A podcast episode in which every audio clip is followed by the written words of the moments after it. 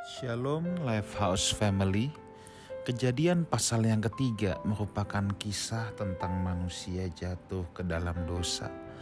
Bagaimana ular dengan segala kecerdikannya ya mencoba menipu manusia. ya. Lalu kalau kita lihat di ayatnya yang keempat, ular mencoba mengconvince, mencoba meyakinkan manusia, Hawa khususnya, tetapi ular itu berkata kepada perempuan itu, sekali-kali kamu tidak akan mati kalau kamu makan buah itu ya. Tetapi Allah mengetahui bahwa pada waktu kamu memakannya, matamu akan terbuka dan kamu akan menjadi seperti Allah yang tahu tentang yang baik dan yang jahat. Saudaraku, salah satu penipuan awal di mana iblis ingin mengecoh manusia adalah penipuan identitas. Kenapa saya katakan penipuan identitas?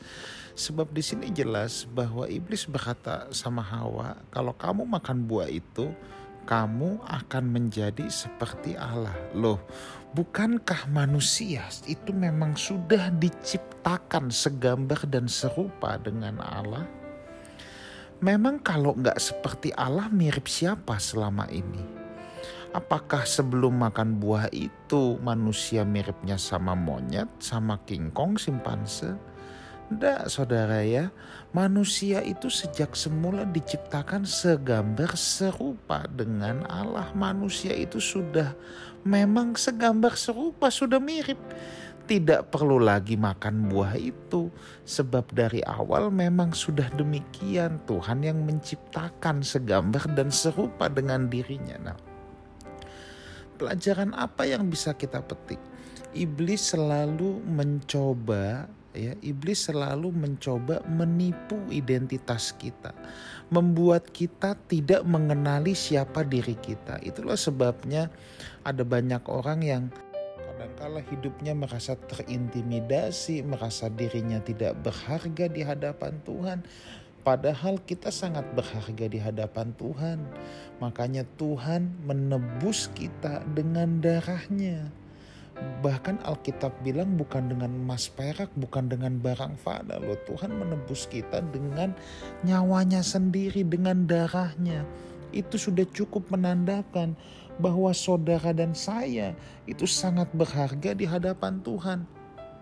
Jadi pelajaran rohani apa yang bisa kita ambil?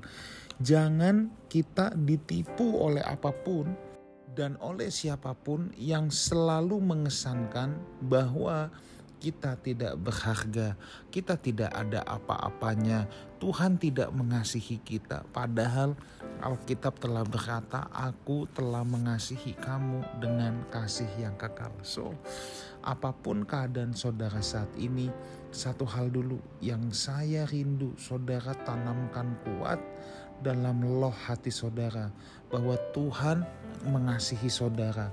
Tuhan telah memberikan identitas kepada saudara bahwa kita adalah anak-anaknya.